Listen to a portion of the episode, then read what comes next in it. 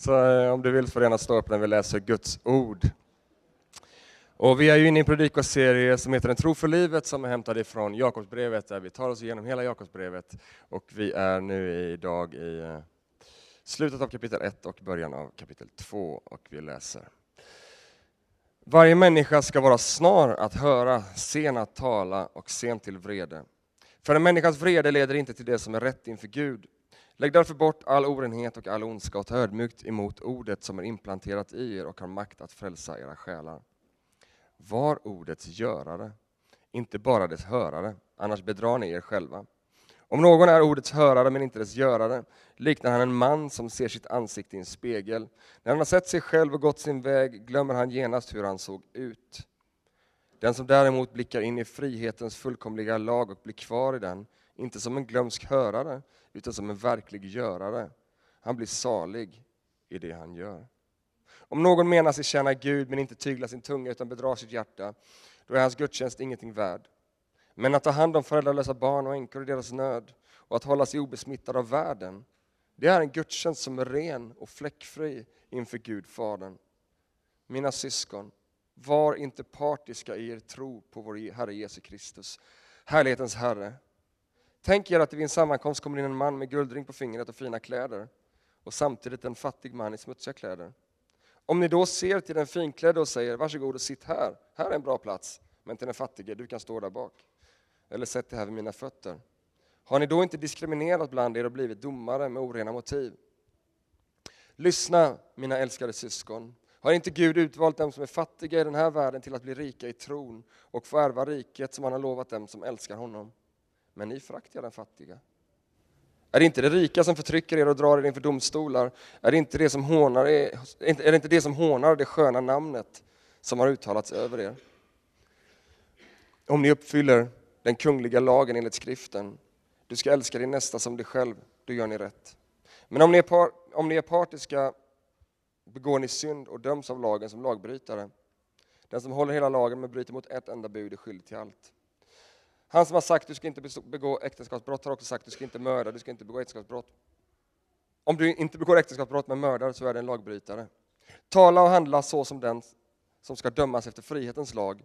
Domen blir obarmhärtig över den som inte har visat barmhärtighet, men barmhärtigheten triumferar över domen. Så lyder Herrens ord.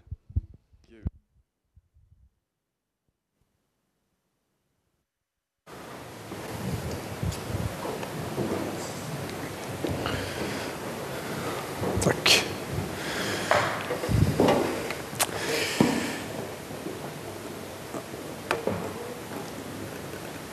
Det här är ju andra tillfället där vi pratar om Jakob. Och eh, Jakob eh, är ju... Jakobs brev är ju eh, vårt tema under ett x antal eh, olika söndagar här. Joel eh, gjorde, om ni inte var med på Joels introduktion förra veckan så, så kommer här en enminuts... minuts eh, genomgång. Man kan väl säga så här att eh, eh, Jakobs brev är skrivet till, av Jakob som var Jakob, eh, Jesu bror. Han började sin bana med att vara väldigt kritisk till allt som, eh, som Jesus sa och tvivlade på att han verkligen var Guds son, för han hade ju levt med honom och växt upp med honom. Eh, och i eh, slutet av hans liv så dog han martyrdöden därför att han hade gett sitt liv för samma eh, Jesus och förstått vem Jesus var. Och så han blev en eh, pelare i den tidiga kyrkan i Jerusalem eh, och skrev det här brevet till eh, egentligen väldigt många olika församlingar som är spridda ut över den dåtida Medelhavet. Eh, så där har vi liksom grunden och sen så när vi kommer in här nu så kommer vi in i kapitel, slutkapitel 1, i början av kapitel 2. Det är en väldigt lång text så vi kommer inte kunna gå igenom allting. Vi kommer särskilt stanna till i början eh, och, eh, och sen så kommer vi försöka röra oss så långt vi hinner in i, i brevet. Om du sitter och undrar vem jag är så heter jag ju Pierre. Jag är med i ledningen här i kyrkan. Eh, jag jobbar som eh, ja, vad kan man säga, studentpastor kan man säga över hela Sverige och runt och bland annat föreläser om olika saker. Så jag är väldigt glad att få vara här och prata med, med er idag och det ska bli väldigt härligt. Ska vi be tillsammans först bara? Herre, låt oss sitta under din text idag. Låt oss förstå eh, genom att din ande får verka genom ordet och i våra hjärtan. Tack att du får ge, ge dina verktyg. Låt oss bli uppbyggda, utmanade och utrustade för att leva i din efterföljd. Amen.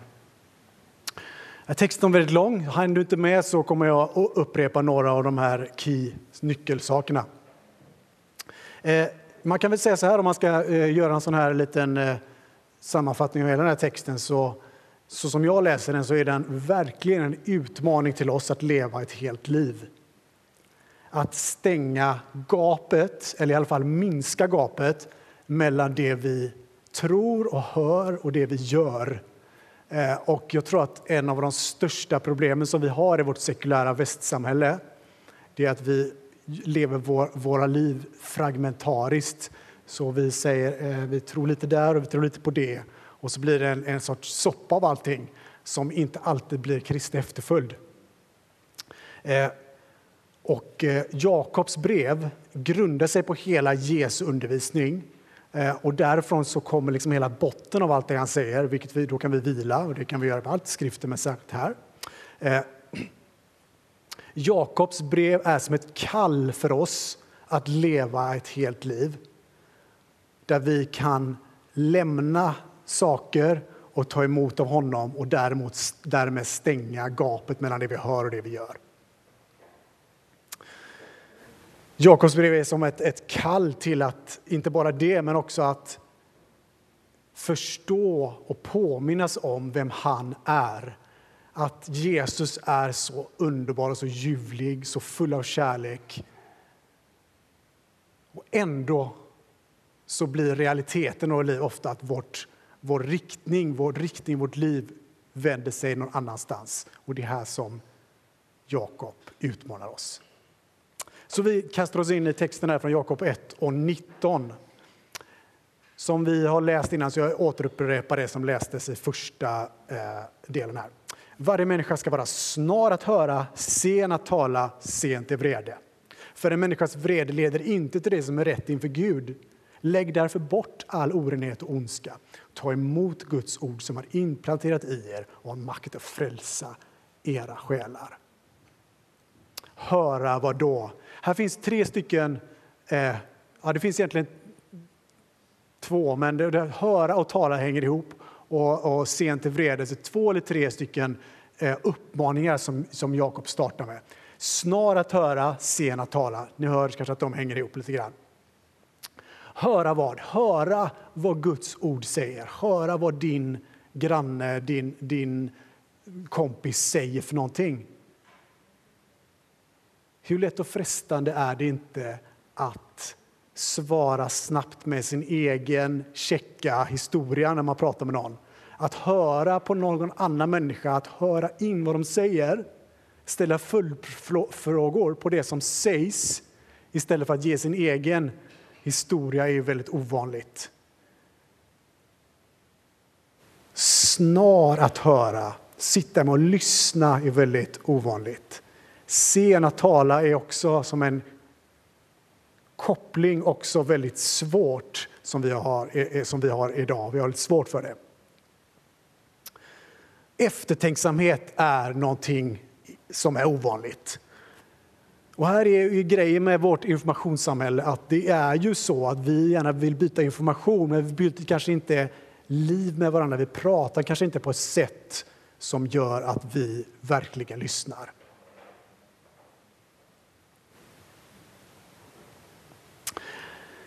För här gör ju Jakob lite av polemik mellan den gamla och den nya människan. Din gamla aggressiva natur får flytta på sig. Vad menar jag med aggressiva? Jo, men att du hela tiden vill vara den som säger ditt eget. Som hela tiden vill visa vad du tycker och vad din åsikt är. Sen till vrede. Du får flytta på din gamla natur Sen till att bli upprörd på fel sätt. Sen till att bli arg utan verklig anledning.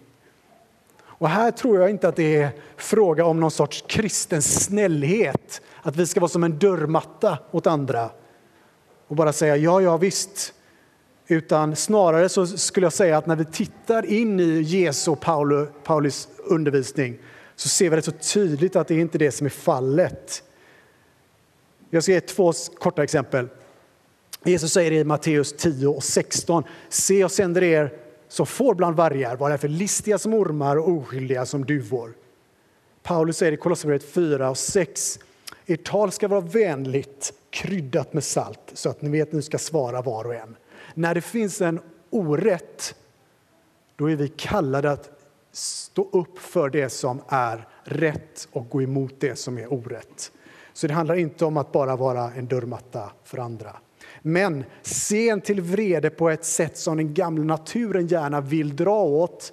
Eh, det däremot är någonting som vi kan, enligt texten, lägga bort. Och jag kommer snart till hur det går till. Hur går det till? Ja, alltså Andens liv kan helt enkelt få mer och mer plats i oss. Men kan man verkligen bestämma sig för att bara skärpa till sig och göra detta? Är det det som är vårt, vårt recept här? Vi ser en kristen moral och etik och så säger vi bara, ja, men nu bestämmer jag mig för att göra mer så här. Är det det som är svaret? Är det att skärpa sig lite extra? Som ni hör så tror jag inte det. Eh, däremot så finns det en konsekvens av att vara en Herrens efterföljare. Där efterföljelse ger en frukt och frukten är mer och mer lik Kristus. Så att Andens frukter också blir vår natur. Här finns det få genvägar skulle jag säga. Livet med Gud betyder att vi förvandlas mer och mer till hans efterföljelse. Att leva ett liv i enlighet med hur, hur Kristus är är något som att man byter ut en gammal natur till en ny. Det blir som att ditt naturliga svar när du lyssnar på människor det blir inte som du tänker, vänta nu här, nu ska jag tänka på att jag ska vara snar att höra här. Utan snarare att du har kommit, det är en natur som kommit dig till del genom ett Kristi ande som gör att det blir ett naturligt sätt att vara på. Det blir second nature, det är lite Second nature, är ni med på det eh, amerika, äh, engelska uttrycket? Så lite så här, det blir din... Det blir din eh, eh, har någon som har ett bra översättning på second nature? Eh, Joel? Du läser mycket. Eh, jag återkommer till dig Joel, jag har lite andra saker här. Just det, för Joel, vi kan ta det som en grej. Eh, jag vet att du inte uppskattar så mycket att jag gör så här, men jag tycker det är väldigt roligt. Eh, eh, nej, men det är så, Joel är inte så bra, han kan inte köra bil och inte körkort eller så. Eh, och du, inte, du har ju en cykel också. Eh, men eh, du cyklar inte så mycket på den. Jag vet inte riktigt om det är för att du inte kan. Men min poäng är så här. När man gör något av de här, cykla eller köra bil, som Joel inte gör, då är det som att, ni vet hur det går till när man kör bil efter man kan. Då är det liksom bara, det är ingenting man tänker på. Samma med att cykla då. När man cyklar så är det ingenting som, ah, vänta nu, hur ska jag göra nu när jag bromsar? Utan det, du bromsar ju bara. Svänger, kommer en kurva så svänger du ju där. Eh, så här tror jag det är med att leva i Kristi efterföljd. Det är ingenting som det bara, ja men nu, nu idag ska jag tänka på hur jag ska lyssna på människor. Det kan vara så. Jag skulle vara bra att öva sig på det sättet och tänka på det. Men det goda livet med Kristus är någonting som sker av en automatik. Det är lite mer second nature förklaring. Det är en automatik i ett liv i Kristi efterföljd.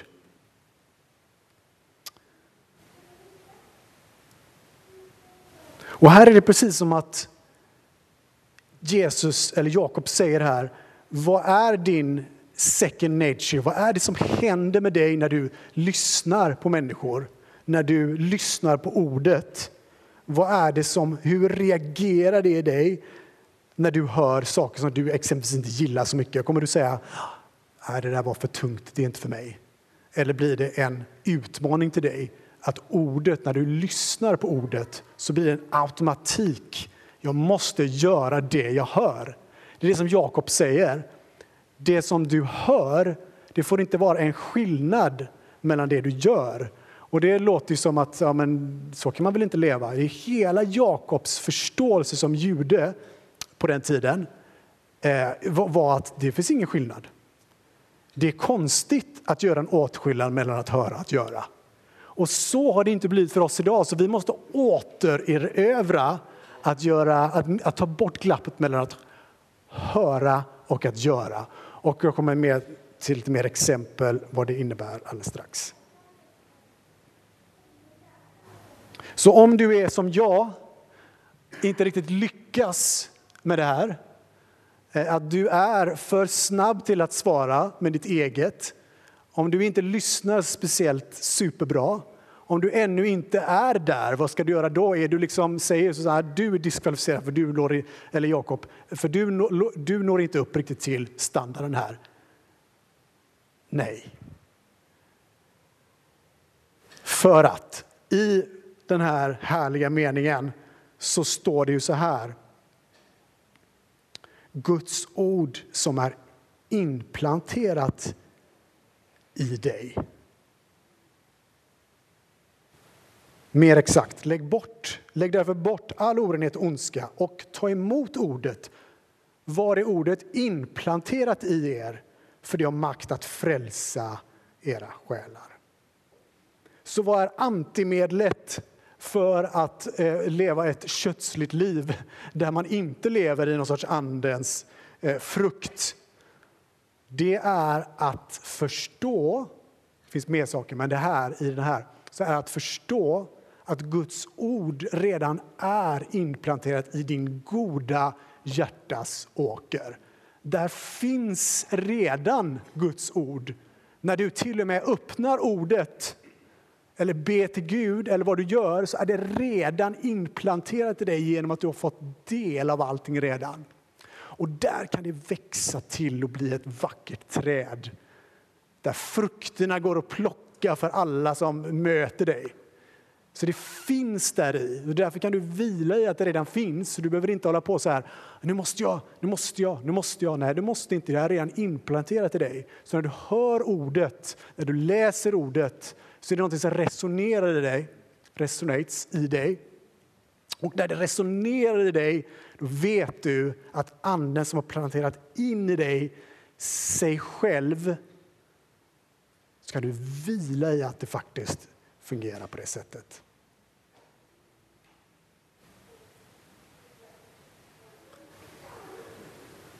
Här verkar Guds frälsning i dig inifrån och ut.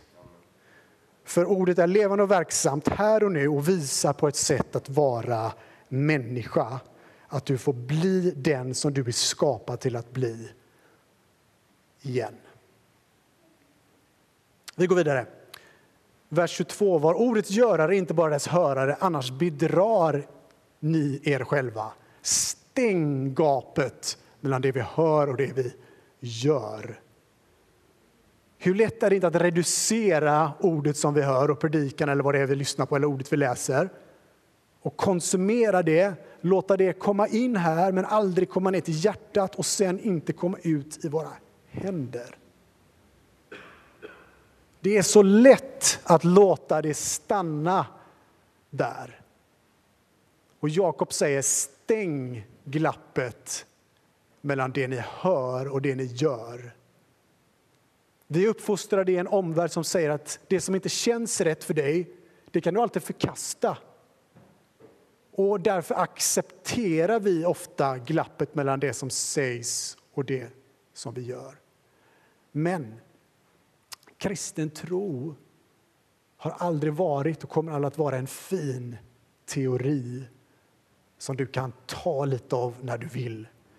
Ärendet är ditt hjärta Ärendet är ditt innersta. Ärendet är att du ska bli en Kristusföljare.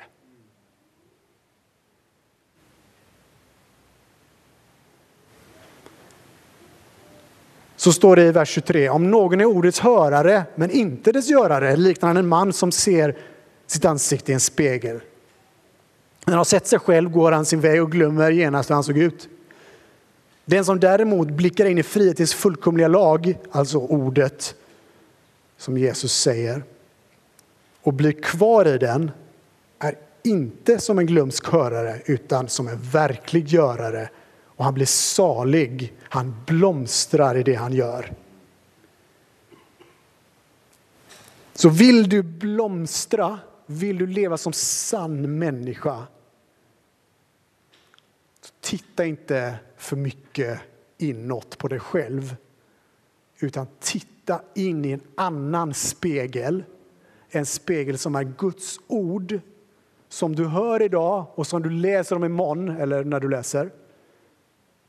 Här finns en spegel för vem du är. Och när du tittar i en vanlig spegel så är den, den är ju liksom, den är bra, den, du kommer ju se dig själv. Men så, vänta nu, hur var det nu? Så går man tillbaks och det är som en bild på att det där, det sättet att leva, att inte leva i att spegla sig i rätt källa kommer aldrig att ge den frukt som du längtar efter.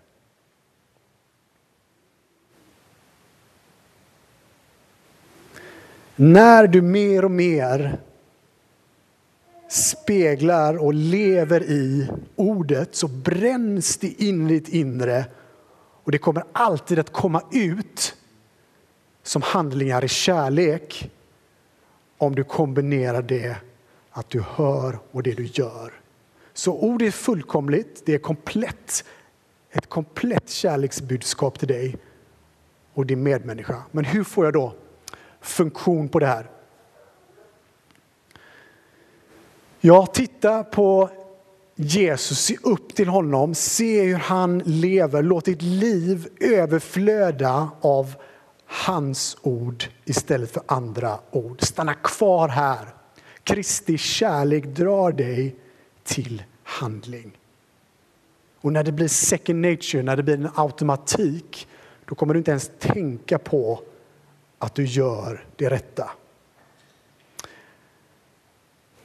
Det här boken, budskapet här i riktar oss mot Sonen och visar oss att vi kan samarbeta med honom i en bruten omvärld. Från 26. Om någon menar sig tjäna Gud men inte tyglar sin tunga utan bedrar sitt hjärta, då är hans gudstjänst inget värd. Men att ta hand om föräldralösa barn och änkor i deras nöd och hålla sig obesmittad av världen, det är en gudstjänst som är ren och fläckfri inför Gud och Fadern.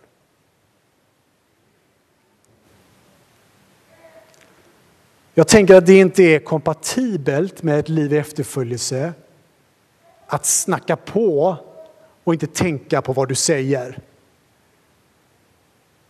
Vad är en gudstjänst? Det är att se behov. Vad är Guds syn för Gud? Det är att se behov runt omkring dig och agera och göra det som är gott.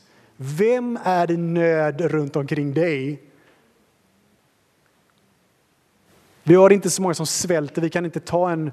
Jo, det kanske vi kan. Jag känner inte någon som svälter, men säg att det finns det så kan du köpa en, en, en eh, matkasse och ge någon. Ofta så har vi, det är jättebra, ofta så har vi en annan sorts fattigdom, en själslig fattigdom där vi är ensamma, där, där vårt, vårt enorma ekonomiska välstånd ändå ger en fattigdom. Kanske är det här som vi kan höra att Guds budskap är till, till den personen, men vi behöver vara den som kommer, sitter ner med den ensamma exempelvis, eh, ger oss själva en stund till någon annan. Här kan vi göra någonting. Jag tror att det är så mycket, jag tror att det är mycket lättare och jag tror att det är mycket, mycket lättare att göra det här än vi någonsin har tänkt. Så kommer Jakob in på ett exempel, ett praktiskt exempel som antagligen skedde i några av de här kyrkorna som han skriver till. Eh, och det har med rika och fattiga och hur vi inte ska vara partiska. Jag läser det också. Mina bröder, var inte partiska i tro på vår Herre Jesus Kristus, härlighetens Herre. Tänk er att ni vid er sammankomst så kommer det in en man med guldring och på fingret och fina kläder och samtidigt en fattig man i smutsiga kläder. Om ni då ser, till, ser på den fattige, på den finklädde och säger varsågod, sitt här, här är en bra plats. Men till den fattige, du kan stå där eller sätt dig där vid mina fötter. Har ni då inte diskriminerat bland er och blivit domare med orena motiv? Jakob är ute efter att stänga glappet. Det går inte att tro på Kristus, leva i hans efterföljd och samtidigt säga du är okej, okay, men du är inte okej. Okay. Och det är inte det att vi säger det rakt ut, men vad vi gör ju det med våra handlingar så lever vi inte som vi hör. Och så står det så här i vers 8. Om ni uppfyller den kungliga lagen enligt skriften, du ska älska din nästa som dig själv, då gör ni rätt. Hur kan kärlek skilja ut människor och värdera dem olika? Det går inte ihop, det är okompatibelt. Här ser vi ett annat sätt att leva livet, att inte vara partisk, att inte göra skillnad på människor. Men om ni är partiska begår ni synd och döms av lagen som lagbrytare. Den som håller hela lagen men bryter mot ett enda bud är skyldig till allt. Han som har sagt du kan inte begå äktenskapsbrott, han har också sagt du ska inte mörda. Om du inte begår äktenskapsbrott men mördar så är du en lagbrytare. Tala och handla så som den som ska dömas efter frihetens lag. Domen blir obarmhärtig över den som inte har visat barmhärtighet, men barmhärtigheten triumferar över domen.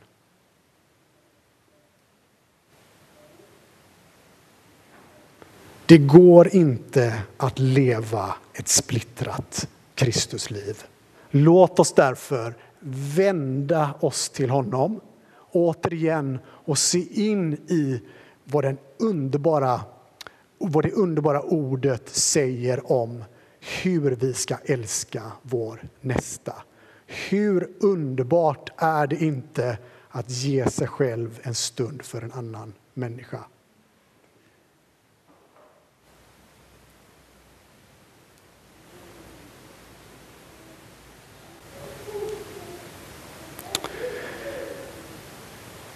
Jag ska strax avsluta. Men Jakobsbrevet påminner oss och drar oss in till att leva ett helt liv där du är efterföljare i allt, i alla situationer, när du möter människor, när du lyssnar och när du talar. Är detta utmanande? Verkligen utmanande. Är det lätt? Nej. Men när du lever med Kristus så blir det en automatik, en second nature där du får hela tiden leva så som han lär. Älska dina fiender, be för dem som förföljer dig. Hur kan vi göra det? Genom att Kristi kärlek får komma oss till del och att vi får leva så som han lär oss. Det finns ingen ursäkt för att inte älska. Konsekvensen av att följa Jesus är att du är barmhärtig mot alla och inte fäller dem för deras misstag. Så låt oss därför, när vi misslyckas med vår efterföljelse och syndar vända våra liv till honom som frikänner och befriar oss från oss själva och låter oss få bli goda följare av honom. Låt oss bli återigen så som Jakob lär Låt oss återigen bli den människa som du är skapad till. Ha ett barnasinne mot andra, att leva i kärlek mot din nästa genom att vi följer Kristus Jesus i allt och låter det stänga glappet mellan det vi hör och det vi gör. Amen.